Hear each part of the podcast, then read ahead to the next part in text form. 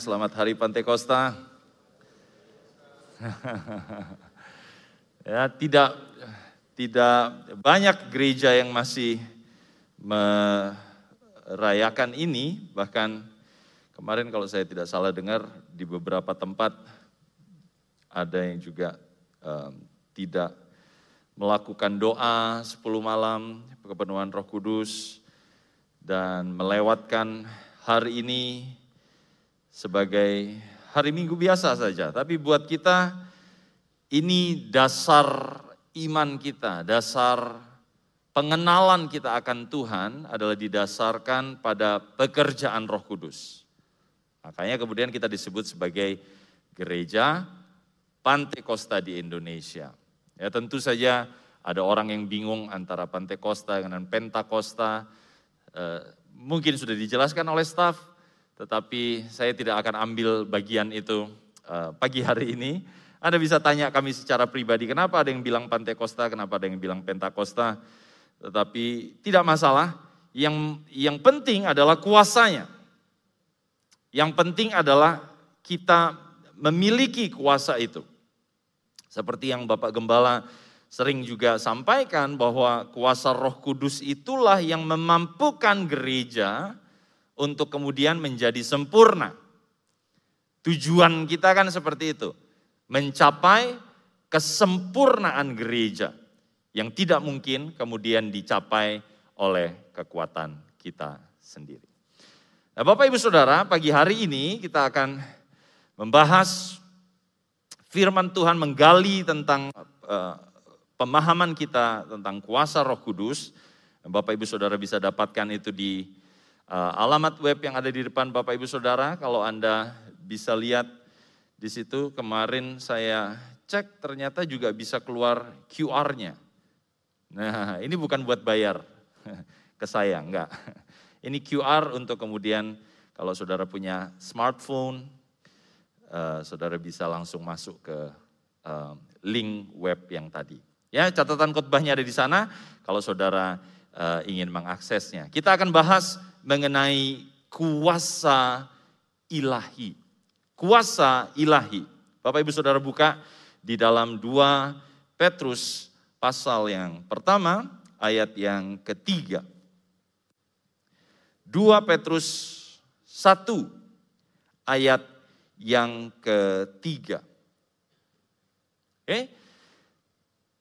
Demikian firman Tuhan, kuasa ilahinya telah menganugerahkan kepada kita segala sesuatu yang berguna untuk hidup yang saleh oleh pengenalan kita akan Dia yang telah memanggil kita untuk kemuliaan dan kebaikannya. Kalau ada perbedaan terjemahan karena saya memakai terjemahan um, baru yang kedua, ya terjemahan um, dari Lembaga Alkitab Indonesia yang kedua, terjemahan baru versi kedua. Jadi Bapak Ibu Saudara, kalau Anda perhatikan bahwa keselamatan kita itu diberikan kepada kita, dianugerahkan kepada kita. Tetapi kemudian ada juga yang dianugerahkan kepada kita, yaitu kuasa ilahi. Kuasa ilahi. Bagi orang percaya, keselamatan adalah hal yang paling pertama didapatkan. Ada yang menyebutnya sebagai the first blessing. Keselamatan. Ini yang yang kemudian kita sering nyanyikan, karya terbesar dalam hidupku. Keselamatan karena pengorbanan Yesus. Dan kita hanya bisa mendapatkan itu dari percaya di dalam nama Yesus. Anda pasti sangat kenal dengan ayat di dalam Roma pasal yang ke-10, ayat yang ke-10. Ya, siapa yang percaya di dalam nama Yesus yang mengaku, ya, dia diselamatkan. Ya, jadi pengakuan itu, pengakuan iman dari kita itu, itulah yang kemudian menyelamatkan kita. Seperti yang juga sering pasti sudah dipelajari oleh jemaat di Mahanaim, bagaimana kita punya tingkatan-tingkatan. Ya, mulai dari iman, saudara bisa lihat itu di um, ayat yang kelima ya, kalau saudara masih di 2 Petrus pasal yang pertama. Ya, bahwa iman itu kemudian menjadi dasar, menjadi yang pertama, kemudian di atasnya baru kemudian kita tambahkan. Nah, apa yang kemudian ditambahkan ke di atas iman itu berarti setelah seseorang diselamatkan, Seorang Kristen itu nggak boleh berhenti, oke saya sudah selamat, oke saya sudah sudah mendapat jaminan keselamatan karena percaya kepada Kristus, dan kemudian saudara puas. Anda harus melihat apa yang ada sesudah iman itu. Keselamatan di dalam Yesus itu harus kemudian ditingkatkan. Bukan berarti kemudian kita tidak cukup hanya dengan percaya. Saudara ingat ya, kalau di uh, beberapa surat Paulus, Paulus sering juga menegur jemaat-jemaat yang kemudian berusaha menambahkan kepada iman percaya mereka tradisi-tradisi Misalnya seperti orang Yahudi yang kemudian menjadi Kristen, mereka kemudian percaya bahwa kalau kamu ingin menjadi pengikut Kristus, kamu harus percaya kepada Yesus dan disunat. Contohnya seperti itu. Jadi percaya Yesus saja tidak cukup. Harus ditambah dengan sunat. Harus ditambah dengan mengikuti hukum Taurat dan hukum para nabi. Itu yang ditentang oleh Paulus. Pengajaran-pengajaran yang seperti itu. Demikian juga banyak kan gereja sekarang juga seperti itu. Saya di sekolah Alkitab kemarin baru juga belajar tentang beberapa ajaran sesat yang ada, bahkan mungkin sudah masuk di Indonesia sejak beberapa tahun yang lalu. Gitu ya. Ada saksi Yehova, ada Mormonism, ya Mormon, ini uh, gereja akhir zaman, gereja orang-orang kudus di akhir zaman, the latter day, uh, ya latter day saints, kalau saya nggak salah bahasa Inggrisnya seperti itu. Ada sudah masuk di Indonesia. Kemudian ada pengajaran tentang Yesus perempuan, Yesus tapi perempuan.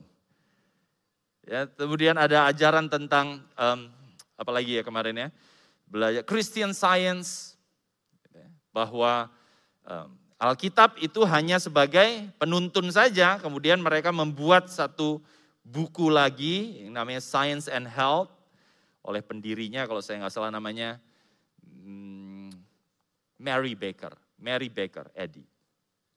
Kemudian yang terakhir ada juga Children of God. Atau kalau saya nggak salah sekarang sudah jadi keluarga Allah atau keluarga.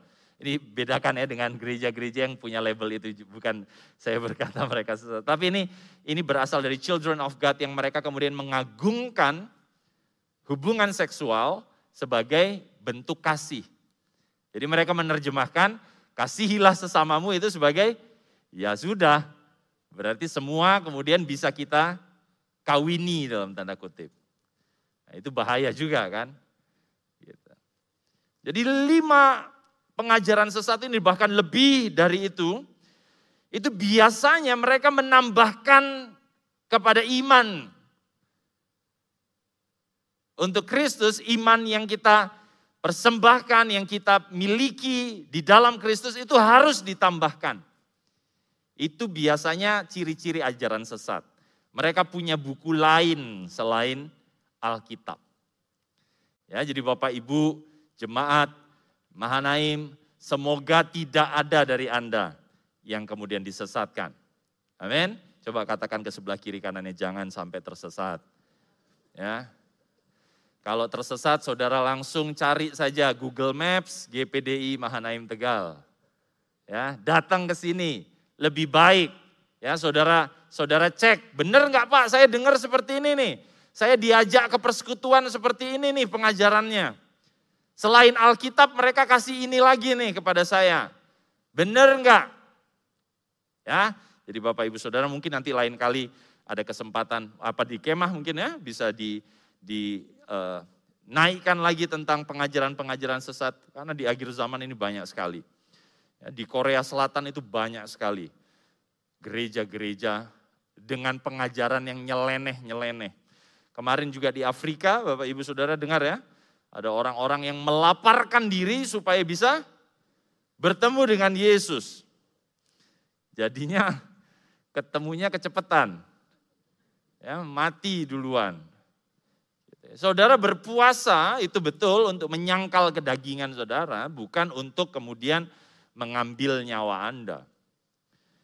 Tetapi saya nggak akan berlama-lama di situ. Bapak Ibu Saudara, kita dimaksudkan memiliki peningkatan itu bukan menambahkan kepada iman kita, Alkitab ini harus kemudian diberi suplemen dan lain sebagainya.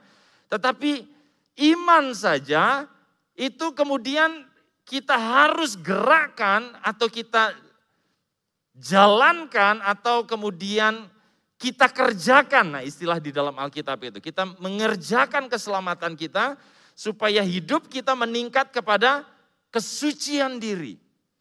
Baptisan roh kudus. Supaya kemudian kita punya kuasa untuk melayani. Jadi iman percaya kepada Yesus tetapi kemudian saudara mendorong diri saudara untuk kemudian sampai ke titik kesucian diri.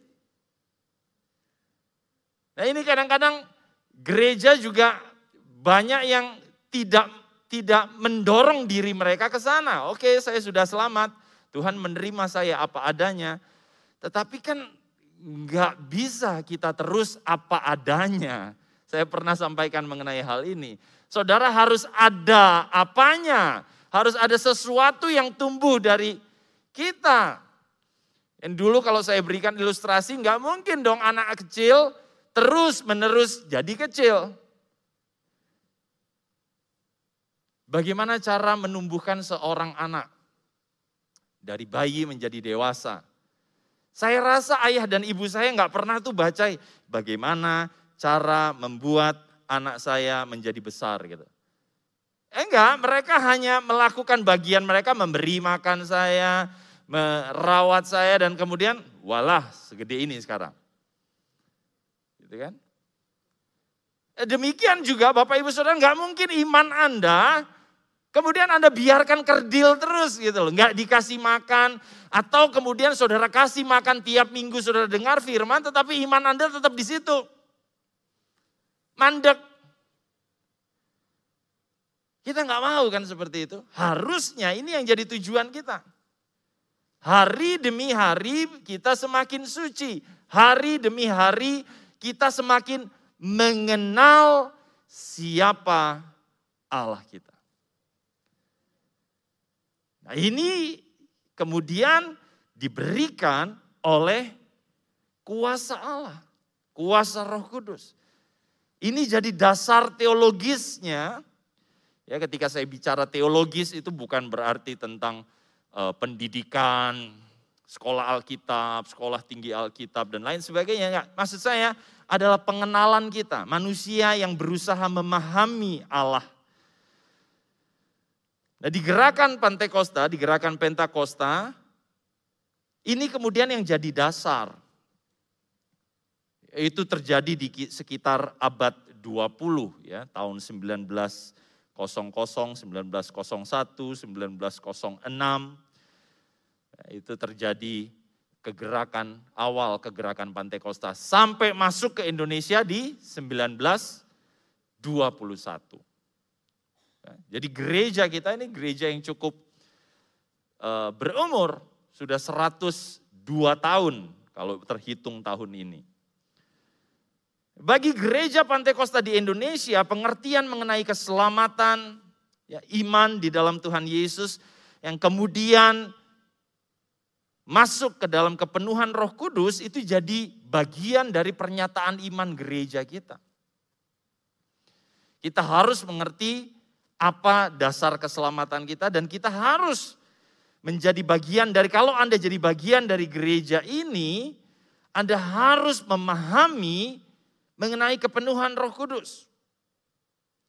Ini tidak bisa dilepaskan dari apa yang kita percaya. Nah, di gereja kita kita punya pernyataan iman, ada punya 17 pernyataan iman. Saya ingin sampaikan ini di ibadah raya karena mungkin beberapa dari Bapak Ibu Saudara tidak bergabung dengan kemah. Tapi tetap kami dorong untuk Anda berkumpul, cari kemah-kemah terdekat supaya Anda punya komunitas bertumbuh dan bersama ber, bertumbuh bersama. Dulu di kemah pernah dibahas tentang 17 pernyataan iman ini. Dan saya harap Anda tetap ingat ya ini yang jadi dasar percayanya kita sebagai jemaat Gereja Pantai Kosta di Indonesia, Jemaat Mahanaim Tegal. Nah saya hanya ingin menyegarkan Bapak Ibu Saudara saja dengan pernyataan yang keenam dan yang kelima. Ya kenapa tidak urut? Karena saya urutkan sesuai dengan penjelasan saya tentang keselamatan, baru kemudian tentang kepenuhan roh kudus. Nah pernyataan keenam dituliskan demikian. Kami percaya baptisan air, yaitu diselamkan dalam nama Bapa dan Putra dan Roh Kudus. Ya, Bapak Ibu Saudara yang belum dibaptis air selam, ya, maksudnya masuk semua di dalam air, kemudian saudara muncul kembali tentu saja ya. Kalau saudara tetap di bawah air kan bahaya juga gitu. Ya, saudara bisa daftarkan ke staff jadi kami percaya baptisan air diselamkan dalam nama Bapa, Putra, dan Roh Kudus, yaitu Tuhan Yesus Kristus, wajib dilakukan bagi mereka yang diselamatkan. Jadi mereka yang sudah percaya nih, diselamatkan, punya iman.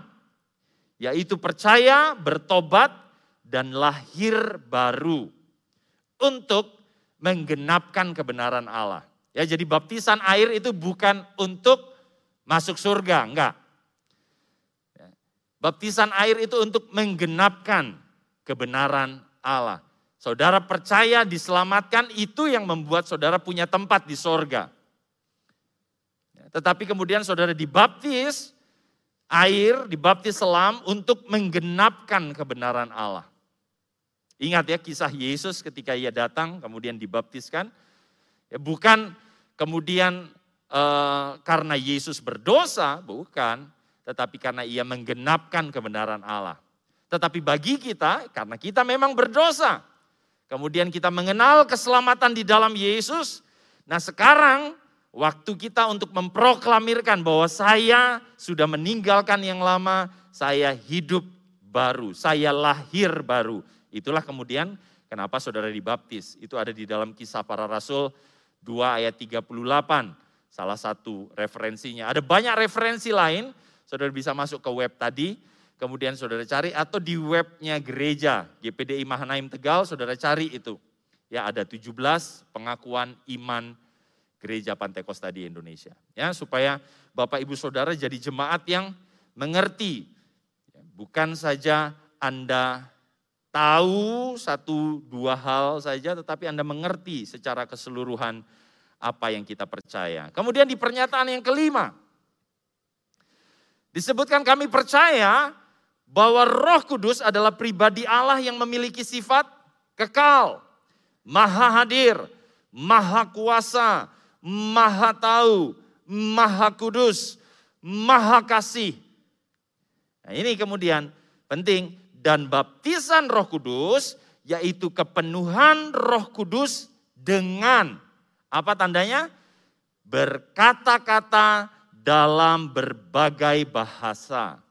Sebagaimana diilhamkan oleh Roh Kudus, diterima oleh orang percaya yang bertobat dan lahir baru. Ya, jadi untuk kita dipenuhi oleh Roh Kudus, kita harus pertama-tama percaya dulu. Kemudian kita bertobat, lahir baru, dipenuhi oleh kuasa Roh Kudus. Di dalam kisah para rasul 10 ayat 44 sampai yang 46, di situ dikatakan bahkan mereka belum dibaptis air, mereka mendengar firman Tuhan dan kemudian dipenuhi oleh Roh Kudus. Jadi Bapak Ibu Saudara ini adalah sesuatu yang kita harus mengerti dan kita alami sebagai bagian dari gereja Pantai Kosta di Indonesia. Bukan sekedar karena ada Pantai Kostanya juga, tetapi karena kita mengerti dari Alkitab ini yang Tuhan mau. Ini yang Yesus mau di dalam diri pengantin perempuannya. Kalau saudara menikah, mempersiapkan pernikahan, saudara rindu ada komunikasi dengan pasanganmu. Ya. Untuk beberapa orang memang ada yang ketemu langsung menikah gitu ya.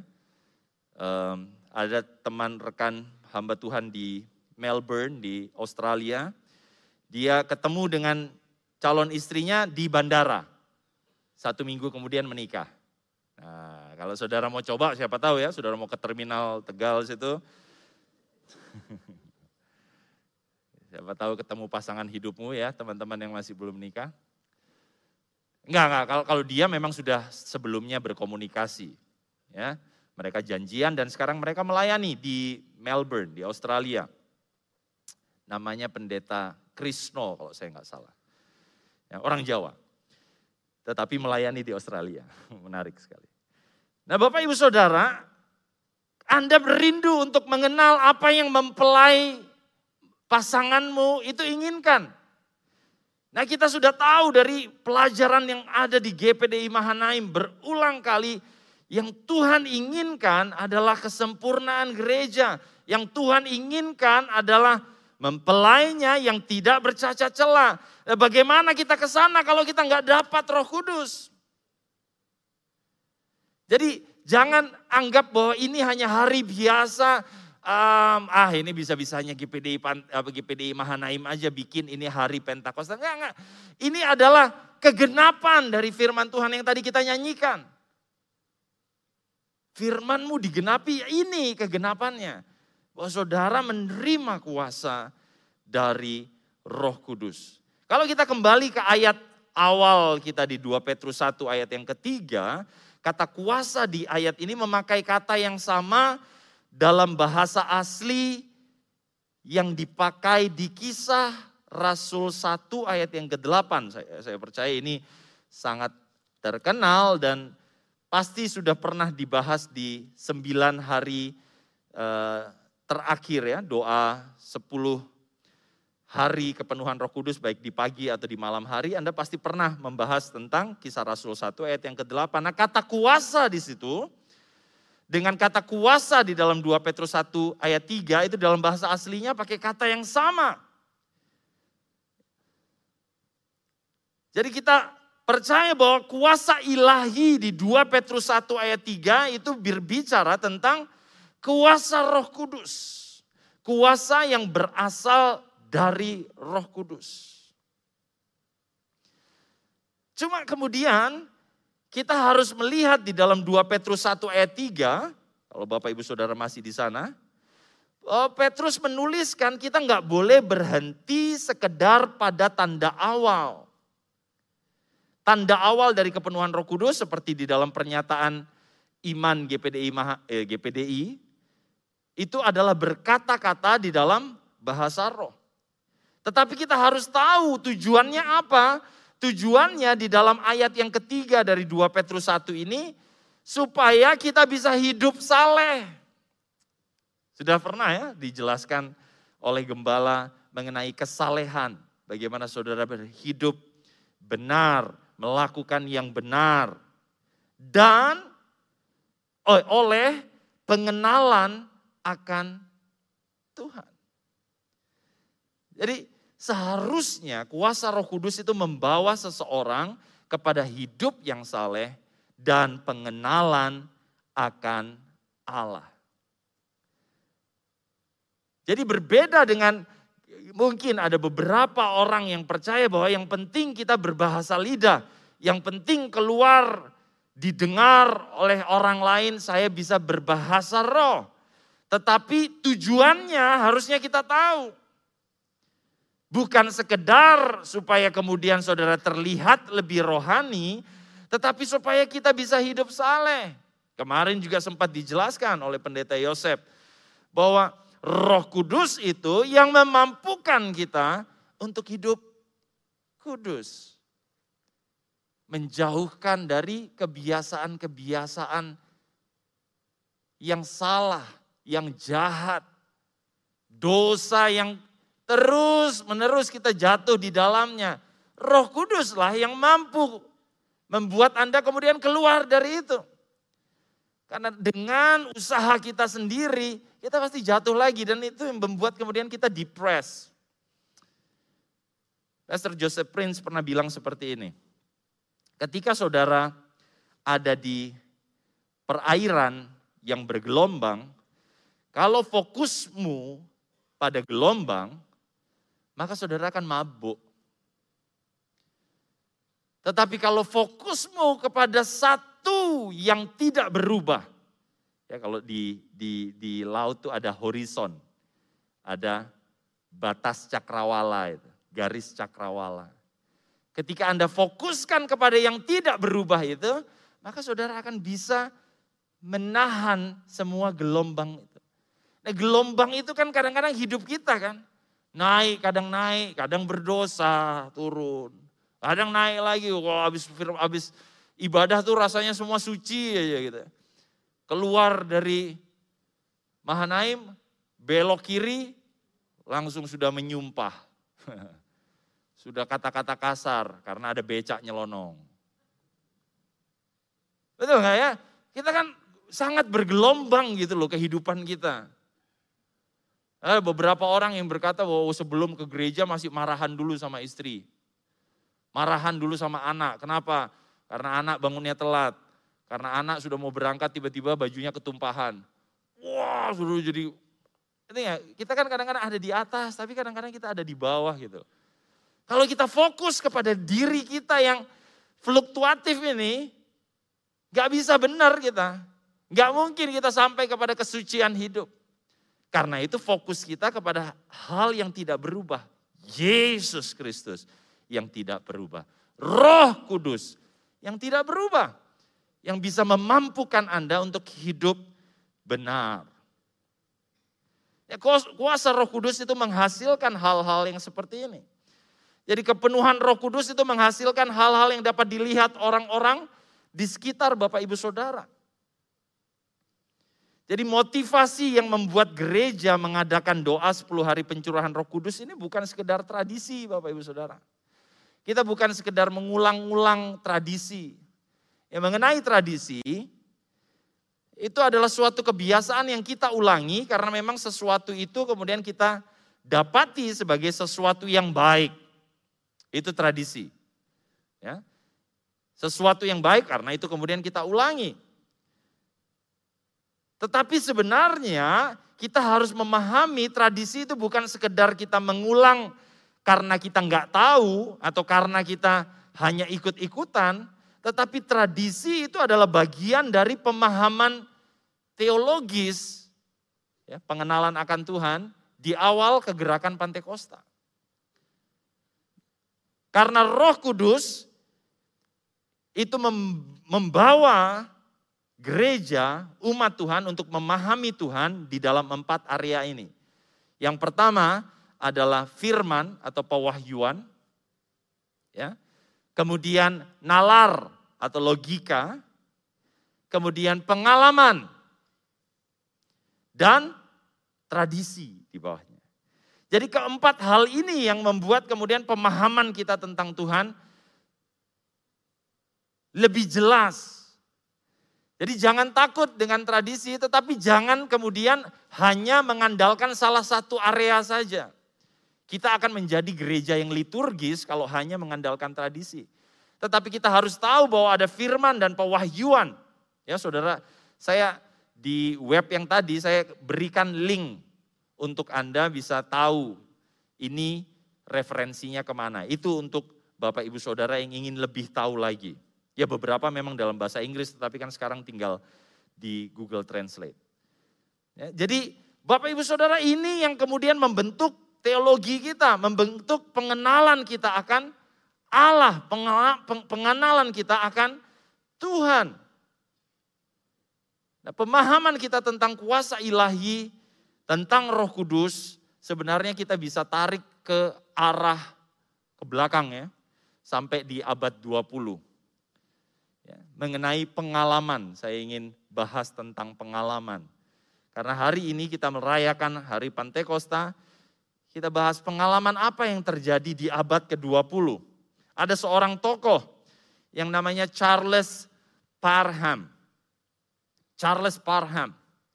Dia adalah tokoh yang masuk di dalam sejarah Pantai Costa. Ya mungkin kita di Indonesia tidak terlalu paham, tetapi dia adalah orang yang dulu di tahun 1900 atau bahkan sebelumnya dia membuat sebuah sekolah Alkitab, kayak sebenarnya kursus, kursus Alkitab gitu. Yang kemudian dia minta kepada siswa-siswi yang ada di sekolah Alkitab itu untuk belajar apa sih apa sih sebenarnya yang dikatakan Alkitab tentang kepenuhan Roh Kudus. Nah, kemudian siswa-siswinya itu menemukan bahwa Roh Kudus itu salah satu buktinya adalah berbahasa asing atau berbahasa lidah atau berbahasa roh.